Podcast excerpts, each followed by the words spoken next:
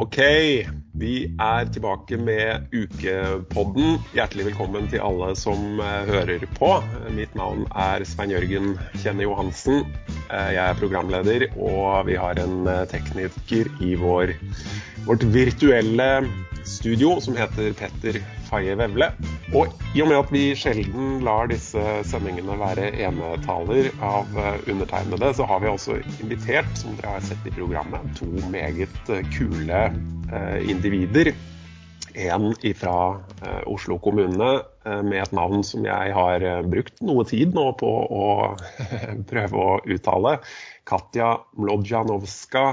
Vi skal få høre mer fra henne om et øyeblikk, men jeg vil også benytte anledningen til å presentere førsteamanuensis Kristine Ask ved Institutt for tverrfaglige kulturstudier ved NTNU. Velkommen skal dere være begge to.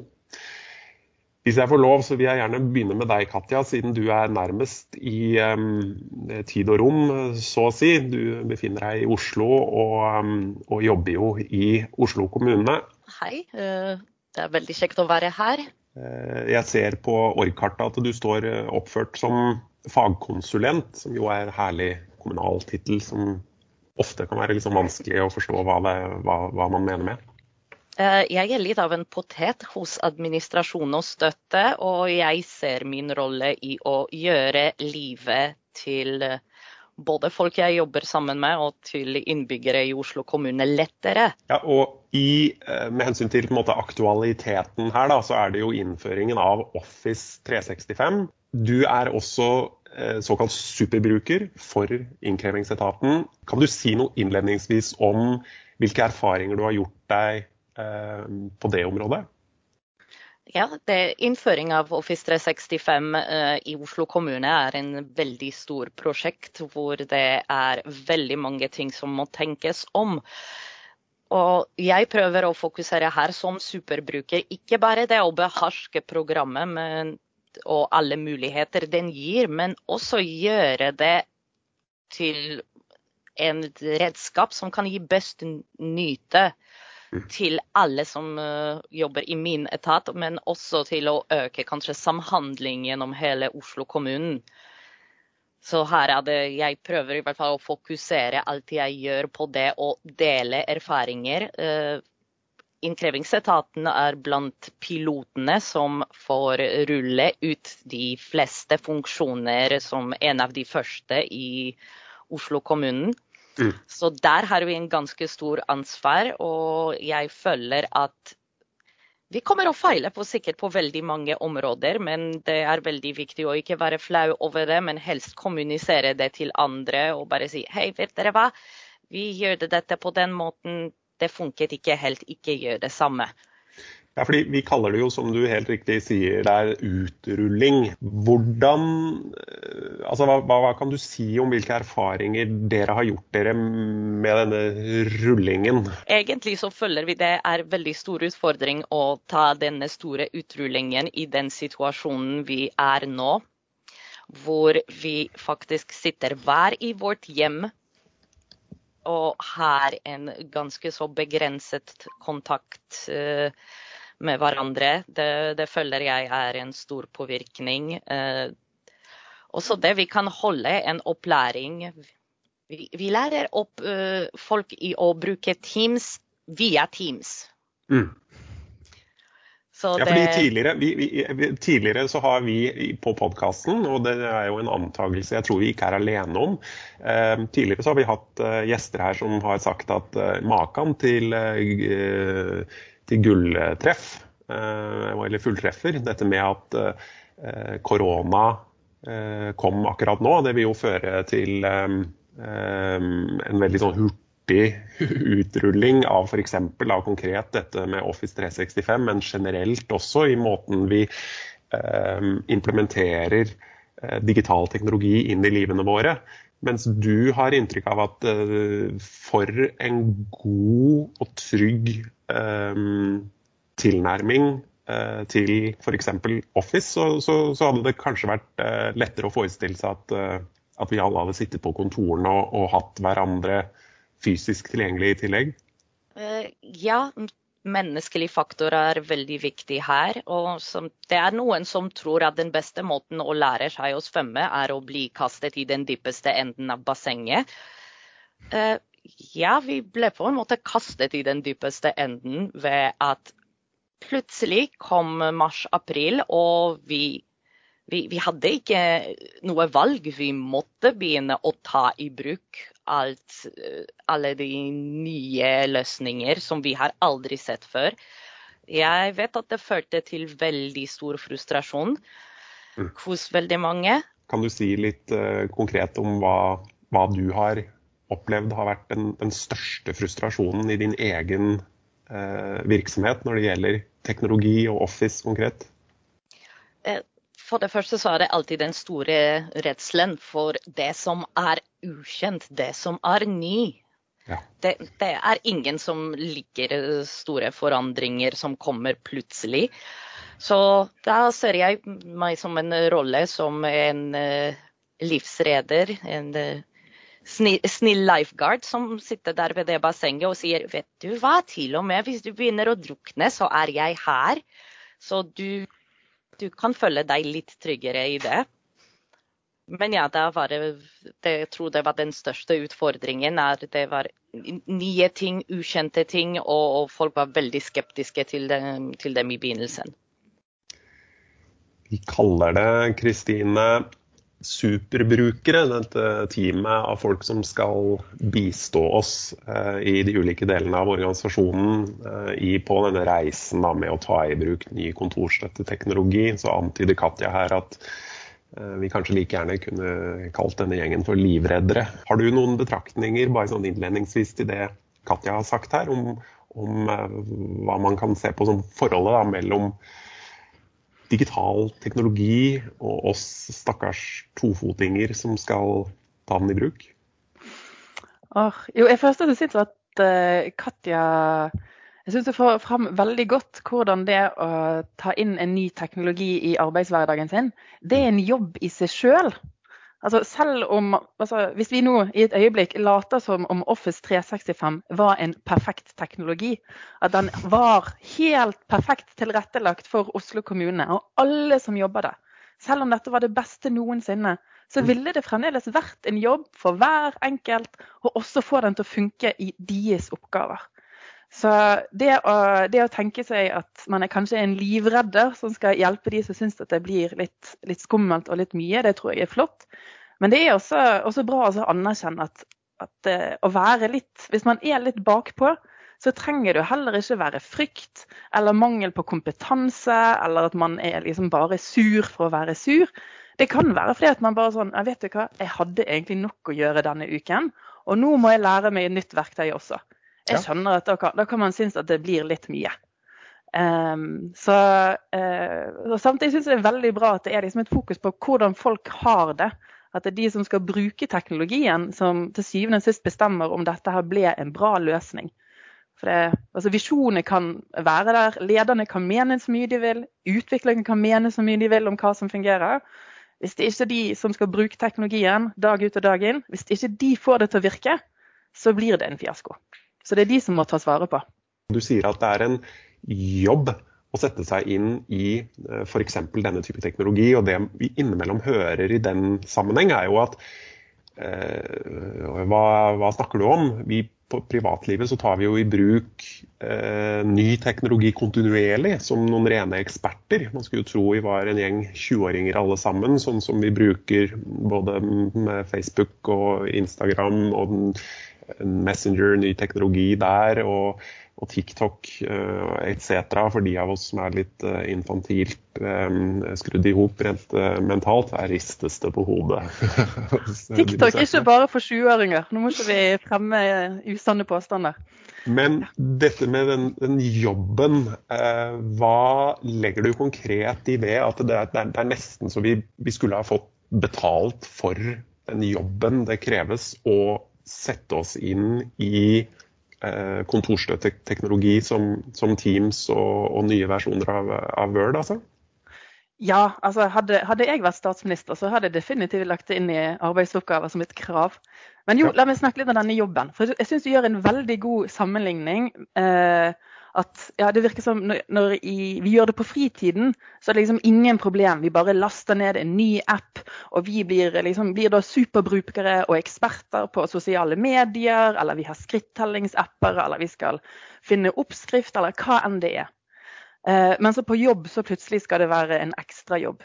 Tingen er at det er en jobb uansett. For at en teknologi skal fungere i din hverdag, så må du gjøre en slags, en slags temmingsprosess. På samme mm. måte som at eh, hvis vi tenker på at før man møter en teknologi, så er den nesten litt sånn vill. Vi vet ikke helt hva den handler om, eh, hva den kan gjøre. Og noen kan, kan være litt skummel. Og så jobber vi inn den i hverdagen. Vi finner når vi skal bruke den, hvordan vi skal bruke den, hvem vi skal bruke den med. Vi lærer oss nye ferdigheter, vi gjør den til del av vår identitet. Vi gjør masse greier for at den skal bli liksom, noe som bare er i vår hverdag som vi tar for gitt.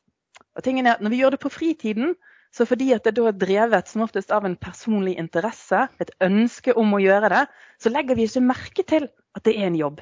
Vi legger ikke merke til at vi må det krever masse tenking og planlegging, og det krever læring. Vi legger ikke merke til det, for det framstår så gøy. Mens i en jobbsituasjon, spesielt da hvis det ikke er du som har ønsket denne omleggingen, så blir det synlig at det krever en jobb å få til en teknologi. Og ikke minst så er jo gjerne den teknologien vi bruker til jobbene våre, er jo kanskje også litt mer kompleks. Har litt flere funksjoner. Så det er rett og slett mer å lære. Det er mer å jobbe inn. Og Du må ikke bare forholde deg til hva du syns er greit. Altså, eller f.eks. Eh, hvor mange timer du sjøl syns du skal være på TikTok.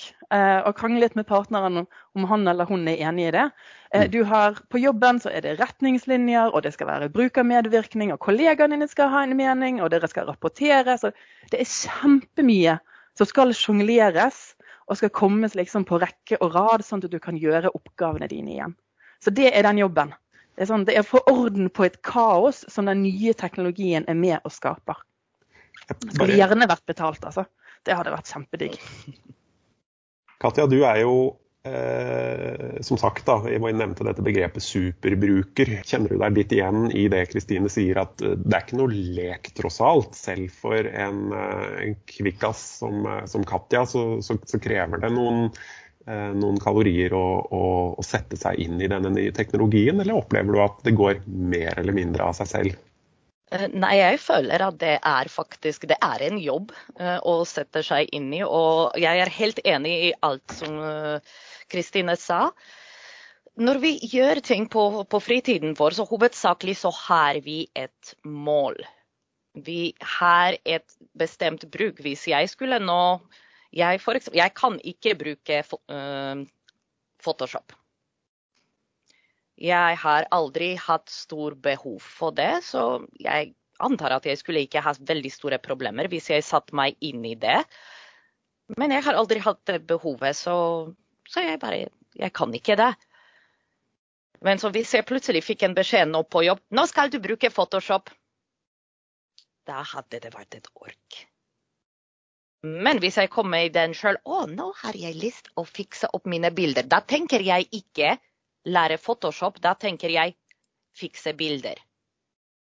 Så da fokuserer jeg fokuserer ikke så veldig, veldig sterkt på selve prosessen av å lære Photoshop. Jeg tenker hovedsakelig på det målet som er bilder å finne bilder, og slanke, hovedsakelig slanke bilder. Dette året, knappe året som vi har vært igjennom, eh, du snakker om da at du motiveres selv av da selvfølgelig og problemløsning. Sant? Du får et behov, og så kan du se da, i verktøykassa om hvorvidt det faktisk er sånn at eh, f.eks. Office 365 eh, tilsynelatende lar deg oppfylle dette behovet. Har du inntrykk av, Katja, at eh, så langt dere er kommet i INE, da, at eh, potensialet i teknologien, potensialet i kontorstøtteteknologien eh, sett opp mot eh, folks opplevde behov, er ganske sånn åpenbart? Ja, jeg føler at det er faktisk svære. Det finnes så mange løsninger som er bare ikke tatt i bruk. Uh, hovedsakelig pga. det at det er veldig mange som ikke engang vet at de har en mulighet til å gjøre noe på en enklere måte, på en finere måte. Det, jeg ser det til og med med sånne veldig enkle ting som bruk av Excel. Uh, jeg ser veldig stor potensial der.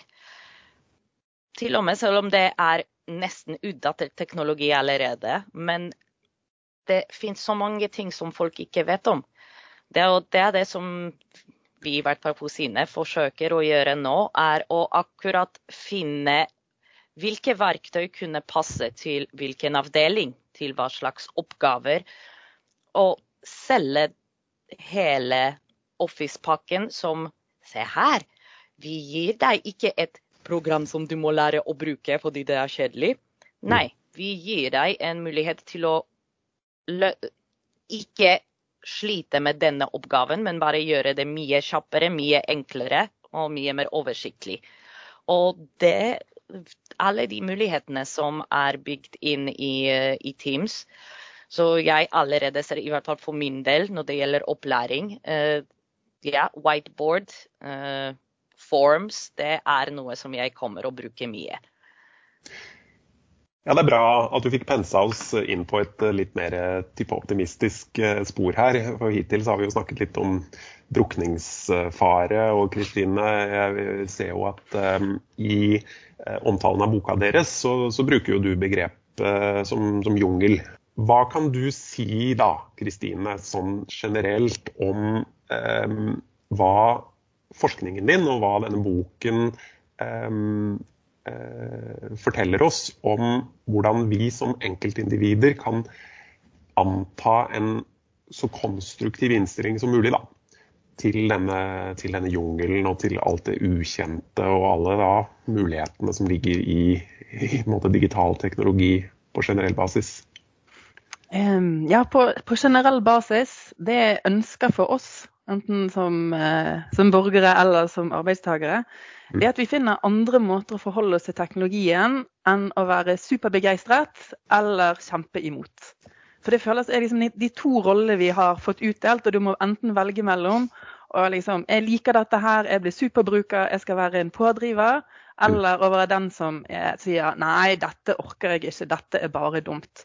Og at det finnes faktisk ganske mange posisjoner imellom der som handler om å kunne faktisk påvirke hvordan teknologien brukes. Fordi at selv om, nå vet vi at altså Office 365 altså Microsoft kommer ikke til å endre på sitt design selv om Oslo kommune kommer til å ha et nytt behov. Den pakken er der. Mm. Men hvilken rutiner denne teknologien blir en del av, det er jo det som kommer til å ha den avgjørende betydningen. Sånn som Katja sier veldig godt. Blir du presentert for liksom, et teknologisk system, så skjønner jeg at du ikke blir begeistret. Men hvis du tar utgangspunkt i den arbeidsoppgaven du gjør, og får en tips om her er et verktøy som kan hjelpe deg å gjøre denne oppgaven kanskje litt enklere, kanskje litt mer effektivt, da begynner vi å nærme oss liksom en teknologi som virker brukelig, og som kan fungere for disse menneskene. Eh, så, så det jeg egentlig ønsker, er at vi skal, eh, vi skal ikke forholde oss så absolutt til teknologi. Og vite at eh, vi, Dere snakker litt om Teams, så la meg ta det som et konkret eksempel. Mm. Eh, Teams har vi, vi, fleste av oss funnet ut hvordan det skal brukes teknisk. Men vet du hva vi ikke har helt funnet ut ennå? Hvordan det skal brukes sosialt. Skal, skal, du alle sammen si ha det og vinke før du trykker på liv-knappen? Er man frekk da, hvis man ikke alle får vinket? Hvordan skal man håndtere at hvem som skal si hva i et stort møte? Hvor mange skal man være i møtet før det er greit at man slår av kamera? Altså, mange ting som handler om sosialt samspill rundt.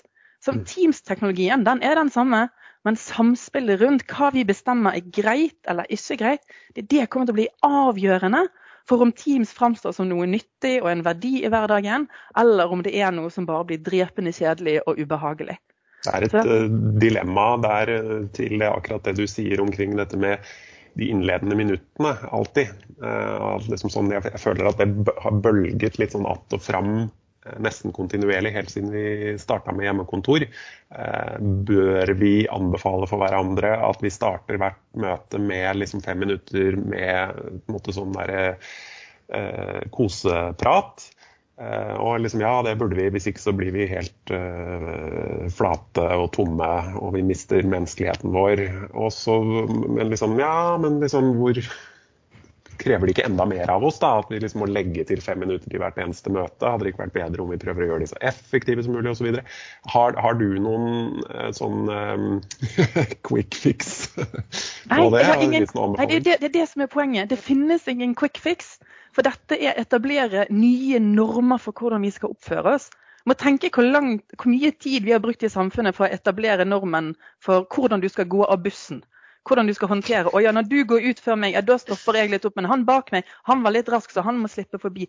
Vi tenker ikke over det. Vi bare vet det er sånn vi skal oppføre oss. For det har vi fått beskjed om fra vi var liten. Beina skal ikke på bordet. Albuene skal ikke være når du spiser. Alle disse små tingene har vi jobbet med kjempelenge. Og plutselig kommer det en ny arena der vi ikke har bestemt det. Og egentlig så tror jeg, jeg tror ikke det viktige er egentlig eh, hvilken av delene vi bestemmer oss for. eller altså, Oslo kommune, om dere går inn for fem minutter i starten med småprat eller ikke. Det tror ikke er det viktige. Poenget er at det skal bli en eller annen form for enighet om det. En slags forventning som man kan følge. liksom, ja, Skal jeg i Teams-møte, skal jeg da forvente fem minutter med språkprat eller ikke? Da man, man har klart å bli enige om det, da går det greit. For da kan man bare være en vanlig person som misliker det eller ikke mis eller liker det, istedenfor å liksom være denne usikker, hele tiden lure på å justere seg sjøl og andre. Og gjorde det riktig, kanskje fornærmet det noen, må jeg sende en oppfølging-mail? Alt det sånn ekstra rotet, dette krøllet som oppstår når man får inn nye teknologier og som lager litt sånn kaos i vår egen hverdag. Det klinger jo velsignet eh, velkjent i en viss forstand. At liksom alle menneskelige arenaer krever, altså, ha, ha, trenger og har eh, et sett med mer eller mindre uttalte kutymer. Er det, er det utpreget vanskelig med digital teknologi, eller er det egentlig eh, bare en forlengelse av det vanlige livet? Eh, både òg. Altså, det er de, de, problemene har vi rundt alle teknologier hver gang det kommer en ny teknologi. Tingen er jo bare at vi, vi legger ikke merke til det, for de fleste nye teknologiene vi har møtt i vårt liv, de har vært digitale. Altså, vi tar f.eks. ikke kniv og gaffel. Det var ganske innovativt på et tidspunkt. Noen fant opp kniv og gaffel. Vi går ikke og tenker på det som en teknologi i dag. Så det er det, det som vi møter med digitale flater, det er jo at det blir veldig mange situasjoner vi egentlig ikke er kjent med. Og grunnen til at for det skrives altså det skrives ganske mye kronikker, og folk driver og mener i sosiale medier om sånne Zoom-møter og folk, ting, ting, teite ting folk gjør, og lure ting folk gjør. Vi, vi, holder på. Vi er i gang og har den samtalen der vi begynner å bli enige om hva som er greit og ikke er greit. Så det foregår, men det tar tid. Det tar tid for et helt samfunn å bli enige om at man ikke skal bruke mobiltelefon i begravelsen, eller om at hvor pen skal man være kledd på Zoom-møtet sitt eller Teams-møtet sitt. Altså, det tar tid for oss å bli enige om det. Og fram til vi blir enige, så må vi liksom jobbe litt hardere. For da må vi vurdere det sjøl. Vi kan ikke bare stole på en ferdig bestemt greie. Vi må finne ut av det på egen hånd. Og da høres det ut som at det du sier, er jo da hvordan vi enten gjør det, så må vi frigjøre oss fra en eller annen tanke, da, i den grad den eksisterer, om at du enten er for eller mot. Jeg er en begeistret Jeg er et ja-menneske. Jeg hopper på. Eh, og jeg, jeg, elsker Office 365. Eller liksom eh, Til helvete med dette her. Jeg melder meg Nei takk, jeg vil ikke ha det. Jeg bruker penn og papir. Det fungerer greit. Eh, dra tilbake dit du kom fra. Jeg bare Katja, det er, jo, det er jo derfor jeg, er jo involvert i dette sjøl også, så jeg kjenner jo litt til det. Men for ditt vedkommende, hva vil du si er um, standarden i, i Ine? Er det ja-mennesker, eller er det nei-mennesker, eller er det ganske mye i det mellomspennet som Kristine nevner? Eh, jeg tror de fleste ligger i det, i det mellomspennet, egentlig vi har hatt eh, ganske få personer som er generelt imot. Mm. Uh, vi har heller ikke så veldig mange som er sånn ja, ja, ja, nå skal vi gjøre noe nytt. Så det, de fleste ligger der og sier OK, vi, vi, vi har fått dette. Det, det, er en del nysgjerrighet. OK, hva er egentlig dette vi har fått? Uh, hvordan kan vi gjøre noe med dette? Så det, ja, det er liksom som en liten, forsiktig katt som, som kommer bort, men er ikke helt, helt 100% trygg om hva han skal gjøre med, med, det her. Og da kommer inn vår rolle som, som superbrukere og gi folk mm, ikke en oppskrift. En oppskrift er kanskje for mye sagt ideer. Mm. Ideer hva de kan gjøre, hva de kan bruke. Det fins i den digitale verden finnes det vanligvis fem eller seks forskjellige måter å gjøre ting på. Og ingen av dem er riktig eller feil. Så vi prøver å komme med sånne små forslag. Eh, vet du hva, vurder dette her. Hvis det er noe som passer for dere, så kan det være kjekt. Jeg syns det er kjekt. Jeg syns det er kjekt at hvis vi har en felles chat, hvis jeg skriver noe som mennes til alle sammen, men ikke krever en direkte svar, så, så liker jeg at folk markerer det med en, en, thumbs up eller en annen ikon. Bare for å vise deg OK, lest, mottatt.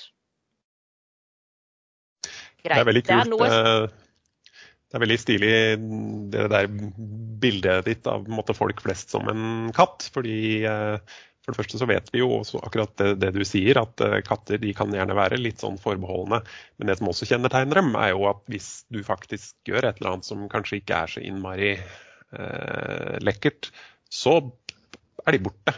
Liksom. De bryr seg, altså de liksom er ikke interessert i å de, Katter er ikke høflige, da. Jeg hadde lyst bare å si at også vi må det er veldig mange som fortsatt har det problemet og så prøver å tenke at OK, digitalisering det betyr at alt det vi gjør, så skal vi gjøre på akkurat samme måte, men nå skal vi gjøre det på PC. Eller via internett, eller via Teams.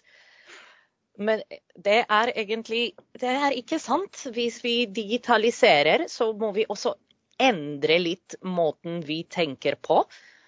Så både hvordan kan jeg bruke det redskapet til å gjøre min rutine eller min oppgave lettere, men også hvordan kan jeg tilpasse min oppgave og måten jeg gjør en oppgave, til de redskapene som jeg har akkurat nå? Betyr ikke det altså det du sier nå, for Dette er jo kjent stoff. da, Vi hører om dette her, at for å få nyttiggjort oss um, digitalisering av prosesser, så må man, kan man ikke gjøre det. Man kan ikke kopiere den gamle uh, arbeidsrutinen, for da går vinninga vekk i spinninga. Uh, man må drive en eller annen form for lean-prosess, eller altså effektivisering av den knirkete gamle arbeidsrutinen. og så digitaliserer man, og så Eh, ser man da at tjenestekvaliteten går opp, eller at eh, måte, ofte så handler det om at eh, penger spares. da. Betyr ikke det egentlig Katja, at vi må venne oss til å begynne å tenke mer som maskiner? Nå ser jeg på bakgrunnen din at kanskje ikke du syns det er så skremmende, men, men, det er vel en dimensjon ved dette som, som, som tar fra oss noe menneskelig i måten vi både resonnerer på og også um, forholder oss til hverandre på. Kanskje jeg skal la det spørsmålet gå til Kristine i stedet, forresten? Ja, altså, vil, dette, denne frykten vi har for at teknologien skal gjøre oss mindre menneskelig, den syns jeg alltid er litt fascinerende. Og jeg, tenk, jeg trodde egentlig at etter 2020 der alle, Vi har aldri vært så mye på skjerm, og vi har aldri lengtet etter hverandre så mye er det ikke på tide at vi slutter å bekymre oss for at uh, vi, vi, blir til roboter? Det er helt åpenbart at uh, vi, vi, har noen, vi, har noen, tydelige behov som ikke endrer seg helt med det første. Vi trenger ikke være redd for at skjermene tar over. Um, om noe så tenker at vi skal være uh, i denne sånn, Hva endrer seg med digitalisering? Så tror jeg, altså Jo, med ny teknologi så må man kanskje tenke litt annerledes. Men jeg tror det er også veldig viktig at at når vi sier digitalisering, så har man en forventning at plutselig alt skal være digitalt, og at mm. alt skal endre seg. Og det skjer aldri. Veldig ofte så er det veldig mye av arbeidsoppgavene våre som gjøres på så å si samme måte, og så er det noen ting som endrer seg litt, og kanskje noen ting som endrer seg mye. Og det mm. å ha litt sånn ærlige samtaler om hva som kommer til å være helt likt, det tror jeg er viktig. Bare for å gi et eksempel sånn lokalt fra NTNU. I universitetsavisa så står det eh, overskriften 'Nå skal eksamen heldigitaliseres. Sensuren blir heldigital'. Og jeg tenkte oi, shit, har de funnet opp en datamaskin som kan sensurere eksamensbesvarelsene for meg? Det hadde jo, det hadde ikke jeg trodd var mulig. Nei, nei, nei, selvfølgelig har de ikke det. Det de har digitalisert, er systemet for å levere inn eksamen. Studentene skriver fremdeles oppgaven, sensor gjør fremdeles vurderingen. Det eneste som har endret seg, er jo administreringen av den studentoppgaven. Og det, det de har funnet opp, er de har funnet opp en e-post, egentlig. Ja, de har funnet opp et slags e-postsystem. Og det ser vi kjempemye i digitalisering. At det er ofte en liten bit, og det handler veldig mye ofte om deling av filer, registrering av oppgaver og sånt. Det endrer seg. Mens det andre rundt, det å ta vurderinger og ta beslutninger og bruke kunnskapen sin og sin faglighet, det endrer jo seg ikke så mye. Det er veldig mye av det som består. Så liksom, denne ideen om at alt skal bli heldigitalt, Nei, vet du hva. Det er, visuelt, skal, det er man, fremdeles menneskene som tenker. Det er fremdeles vi som skal gjøre mest, det er vi som skal gjøre jobben. Er, alt blir faktisk ikke digitalt. Ja, og vi bruker veldig mye teknologi, men samtidig så er det ikke Vi er ikke så teknologi, teknologiserte som noen kunne tenke vi skulle være. Det var en idé av uh, Cyberpunk 2020 som var egentlig Da skulle vi alle sammen ha implanter, være delvis robotisert, og verden skulle være nesten postapokalyptisk. Men nei, nå viste det seg at 2020 var hovedsakelig joggedress eh, og en pakke chips. Det, ja. Og det at vi kunne faktisk, selv om vi skulle alle sammen være isolerte, så kunne vi faktisk snakke sammen. Jeg er ganske trist. Jeg har familie i Polen som jeg nå har snart ikke sett på et år. Men mm. jeg er veldig takknemlig på at jeg har den teknologien. At jeg kan ringe dem, at jeg kan se dem, at vi kan snakke sammen. Mm. Det, det hjelper oss veldig mye. Ja, jeg tror også det du nevner med den, eh, akkurat den opplevelsen du har med å ha kontakt med familie som bor langt vekke. Altså det er den dualiteten som man kjenner på da den tror jeg vi har med oss i så mange prosesser rundt digitalisering. Og På ene siden mm. så kan vi være takknemlige for at vi får lov, vi kan gjøre en ting vi ikke kunne gjort uten teknologien. Tusen takk for at jeg kan snakke med familien, og de kan se meg og se bilder. og Det er helt nydelig. Og Samtidig så kjenner vi at det, den, det var jo ikke en heldigitalisering. Det var noe som, Vi fikk noe, men det var også noe som forsvant. Det, var, det er ikke helt det samme å ha kontakt via skjerm. Det er no, Noe forsvant, og vi må da jobbe hardt for å få trykke inn den omsorgen eller nærheten på andre måter.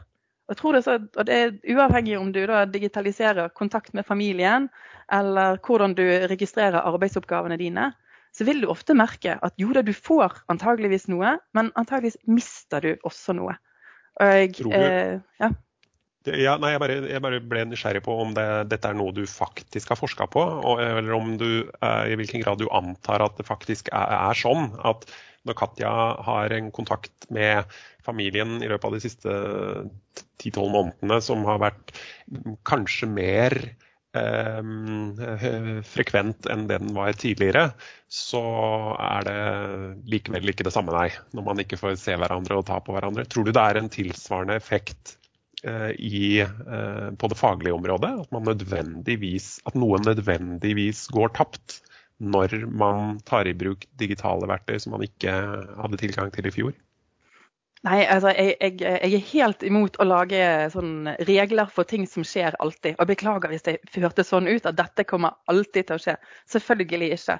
Um, men for, i, i, den boken som vi nettopp skrev, det analyserte vi uh, 15 ulike digitaliseringsprosesser.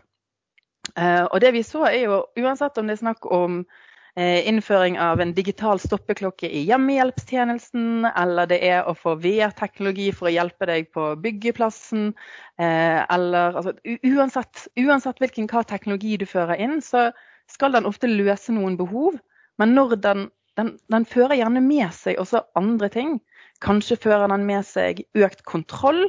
Sånn at jo da, du kan løse arbeidsoppgavene dine mye raskere, du har informasjon tilgjengelig akkurat der du trenger det, for denne appen holder øye med deg. Men mm. i, i, i bytte mot det, så har plutselig sjefen oversikt over akkurat hvor du befinner deg til enhver tid.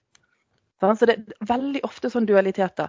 Kanskje blir, eh, Har du kanskje en sånn byggerobot på byggeplassen som hjelper å finne byggefeil? Det er sikkert en veldig fin hjelp. Men det bøter jo egentlig ikke problemet som er at det er veldig få i byggebransjen som har faste kontrakter og dermed kan ha fagfellesskap rundt seg som gjør at de lærer å ikke lage byggefeil. Så det, det er alt, veldig ofte at det er, vi, vi, får løst noen problem, men som veldig ofte med ny teknologi, så introduserer vi noen nye problem. Det, det, det er bare sånn det er med teknologi. Vi liker å la den løse ting, men så kommer det ofte noe mer på kjøpet. Er det dette som sto i boka deres som, som dere kaller fiksisme? Ja, teknologisk fiks og fiksisme. Det er når man tar store, komplekse problemer og prøver å løse dem med litt enkel teknologi. Mm. Um, jeg skal ikke si at Oslo kommune er et eksempel på det, men uh, sånn, noen eksempler er når uh, vi tar store, komplekse problemer, som f.eks. Uh, fedmeepidemi. Stadig større del av verdens befolkning går opp i vekt og er stillesittende.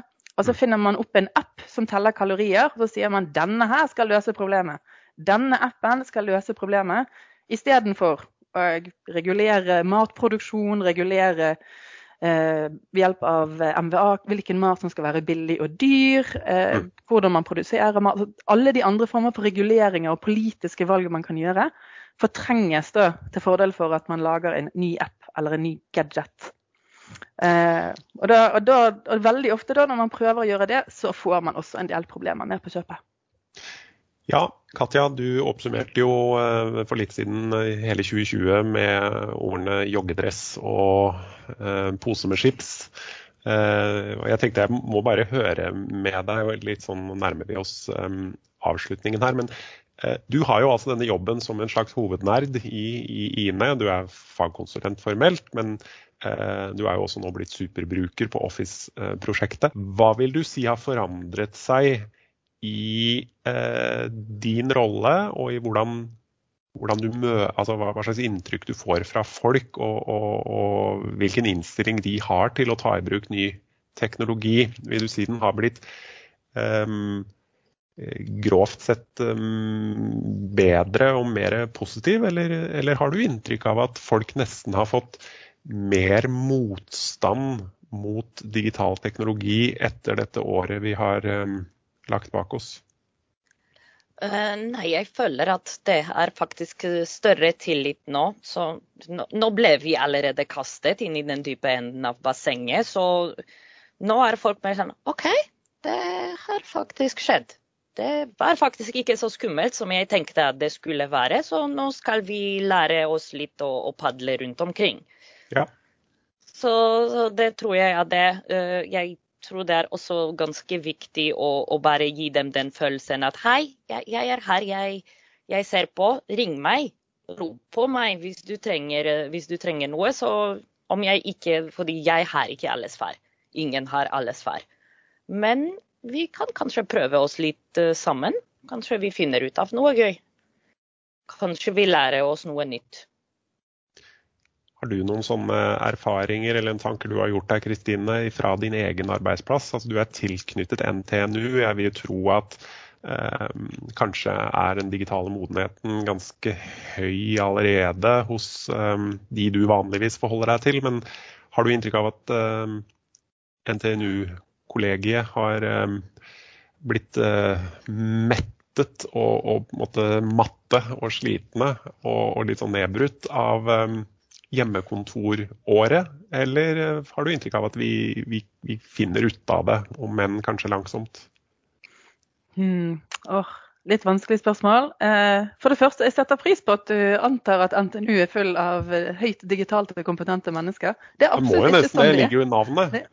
ja, det ligger i navnet. Men jo da, vi har det er høy gjennomsnittsalder i akademia. Så en, en plutselig heldigitalisering har vært utfordrende for veldig, veldig mange. Eh, og ehm, det å sitte på, sitte på hjemmekontor jeg tror, jeg tror, vi fleste av oss har veldig mye av de samme erfaringene. At det er veldig mye både òg. På den ene siden, møter blir gjerne litt mer effektive. Fordi mm. at småpraten blir, det krever litt mer innsats. Vi er plutselig effektive møter. Hvis man ikke har så sans for disse lange møtene som bare dro ut og dro ut, så kan det være en glede. Samtidig så er det veldig mye som også forsvinner, og som vi savner i hverdagen. Faglig påfyll, eh, det er litt mer spontane, det, er litt mindre for, sånn, eh, øyeblikkelige, nyttige dialogene. Det er så mye som forsvinner.